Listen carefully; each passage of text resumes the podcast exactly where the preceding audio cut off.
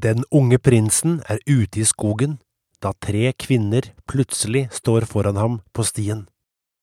Den første er majestetisk og høytidelig, den andre stolt og kledd i rustning, den tredje yndig og forførende. De er alle blendende vakre, hver på sin måte. De sier at han, Paris, nå med en gang må velge hvem av dem som er den skjønneste. I hele sitt liv har prinsen aldri opplevd et merkeligere øyeblikk. Hvor kommer disse kvinnene fra? Og hvordan i all verden skal han greie å velge en av dem?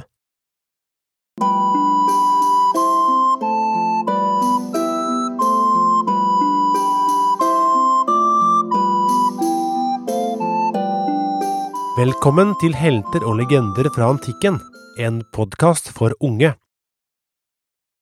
Episode 16 Trojanerkrigen, del 1 av 3 Du har kanskje hørt om Akilles og Odyssevs, kanskje til og med sett en film om Troja, med voldsomme slag foran høye bymurer. Da er det greit å vite at Fortellingen om trojanerkrigen er en av de aller eldste fortellingene vi kjenner til i Europa. Når du hører den spennende historien, får du kunnskap om hvordan vår del av verden så ut for over 3000 år siden, altså i bronsealderen, det vil si før antikken. Hvor kult er ikke det? Av og til bør du sende en vennlig tanke til de som fant opp alfabetet, slik at vi i dag kan høre denne historien. Alfabetet er en helt utrolig oppfinnelse. Hvis forfatterne som skrev om trojanerkrigen hadde visst at historien ville bli gjenfortalt flere tusen år etterpå, ville de bli stolte, og med god grunn. Dessverre har vi ikke navnet på alle disse forfatterne, men vi tror at han som skrev en av de viktigste delene i fortellingen om trojanerkrigen, het Homer. Den historien han skrev, heter Iliaden. Den egentlige Homer er altså ikke en gul tegnefilmfigur, men en kjent forfatter fra antikken. Det er mange grunner til at fortellingen om trojanerkrigen er så fascinerende. En grunn er de sterke følelsene. En prins blir så forelsket i ei jente at han er villig til å risikere alt for henne. Til og med hele byen han kommer fra, alle dens skatter, alle dens lagre av utstyr og mat, og alle dens mennesker inkludert hans egen familie. Og så er det vreden og hevntørsten, raseriet som griper krigerhelten Akilles, etterlater seg hauger av døde fiender. Akilles er effektiv med sverdet og massakrerer trojanere i et omfang som får selv gudene til å reagere. Akilles er udødelig. Nesten. Som liten baby ble han dyppet i elva Styx, på grensen til dødsriket, noe som skulle sikre ham usårlighet. Men eh, ett sted måtte moren hans holde ham fast, og det var i hælen. Hælen er hans svake punkt. Nok en grunn til at trojanerkrigen er så fascinerende, er at den kan ha skjedd i virkeligheten. Byen Troja, eller ruinene som en gang var Troja, ligger i dagens Tyrkia. Du kan besøke stedet og se restene av bygninger og murer. Arkeologene mener at byen ble ødelagt, kanskje under et fiendtlig angrep, ca 1200 år før Kristus. Man vet at dette var en urolig tid med mange kriger og slag, så kanskje det var dette angrepet som Homer skrev om. Kanskje er hoveddelen av historien om trojanerkrigen sann. Det er likevel klart at det her dreier seg om legender. Det ser vi fordi gudene har aktive roller. Zeus og flere andre guder er involvert, og flere ganger griper de direkte inn i handlingen. De er ikke nøytrale, men tar gjerne side og hjelper de som de mener fortjener hjelp. Gudene er slettes ikke alltid enige om hva som skal gjøres, og hvem som fortjener støtte. Historien om trojanerkrigen begynner i gudenes verden. Den mektige himmelguden Zeus ser ut over verden. Han ser sterke greske bystater, som Sparta, hvor Menelaos er konge, og Mykene, hvor broren, den mektige Agamemnon, er hersker. Når han retter blikket nordover, ser han området som tilhører myrmidonerne, som er modige krigere ledet av helten Akilles. Når han skuer enda lenger nord og over havet, ser han den folkerike og mektige byen Troja, omkranset av høye forsvarsmurer. I Troja hersker kong Priamos. Kongen har flere barn, deriblant Paris, som er en attraktiv og kjekk ung mann, og Hektor, som er Trojas beste kriger. Zeus innser at det sannelig er mange mennesker i verden. I tillegg finnes det en haug med halvguder. Noen av dem er faretruende sterke. Gudekongen gjør seg noen tanker.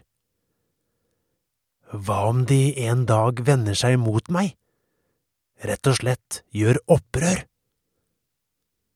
Hvordan kan jeg få ned antallet mennesker og halvguder, slik at jeg sitter sikkert på tronen? Zeus vurderer ulike alternativer. Løsningen han kommer fram til, er brutal. Han vil starte en krig. Det vil si, han starter ikke en krig selv, men han påvirker begivenheter på smarte måter, slik at etter hvert blir krig. Du kan sammenligne det med en stein som begynner å rulle nedover en fjellside. Alt som trengs, er at noen gir steinen et lite dytt. Etter hvert vil den få en fart og en kraft som gjør den umulig å stoppe. Skadene blir enorme. Så hvordan skal Zeus få steinen til å rulle? Anledningen byr seg i et storslagent bryllup. Festen finner sted på Olympusfjellet, og mange guder og gudinner er til stede. Stemningen er på topp, det er musikk, dans og god mat. Plutselig kastes et gulleple inn i den feststemte forsamlingen. På eplet har noen skrevet Til den skjønneste. Straks oppstår en voldsom krangel mellom tre gudinner, som alle mener de har rett til eplet. Det er Hera, kona til Seus, Athene, krigsgudinnen, og Afrodite, som er kjærlighetens gudinne. Hver og en av dem mener at akkurat hun er den skjønneste. Krangelen er heftig og høylytt. Gulleplet er blitt et stridens eple. Saus blir lei av alt bråket og sier morskt at de får gå et annet sted og ordne opp.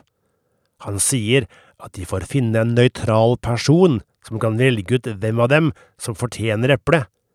Selv vil han i hvert fall ikke bestemme. Han vet at hvis han velger én, så får han de to andre gudinnene på nakken.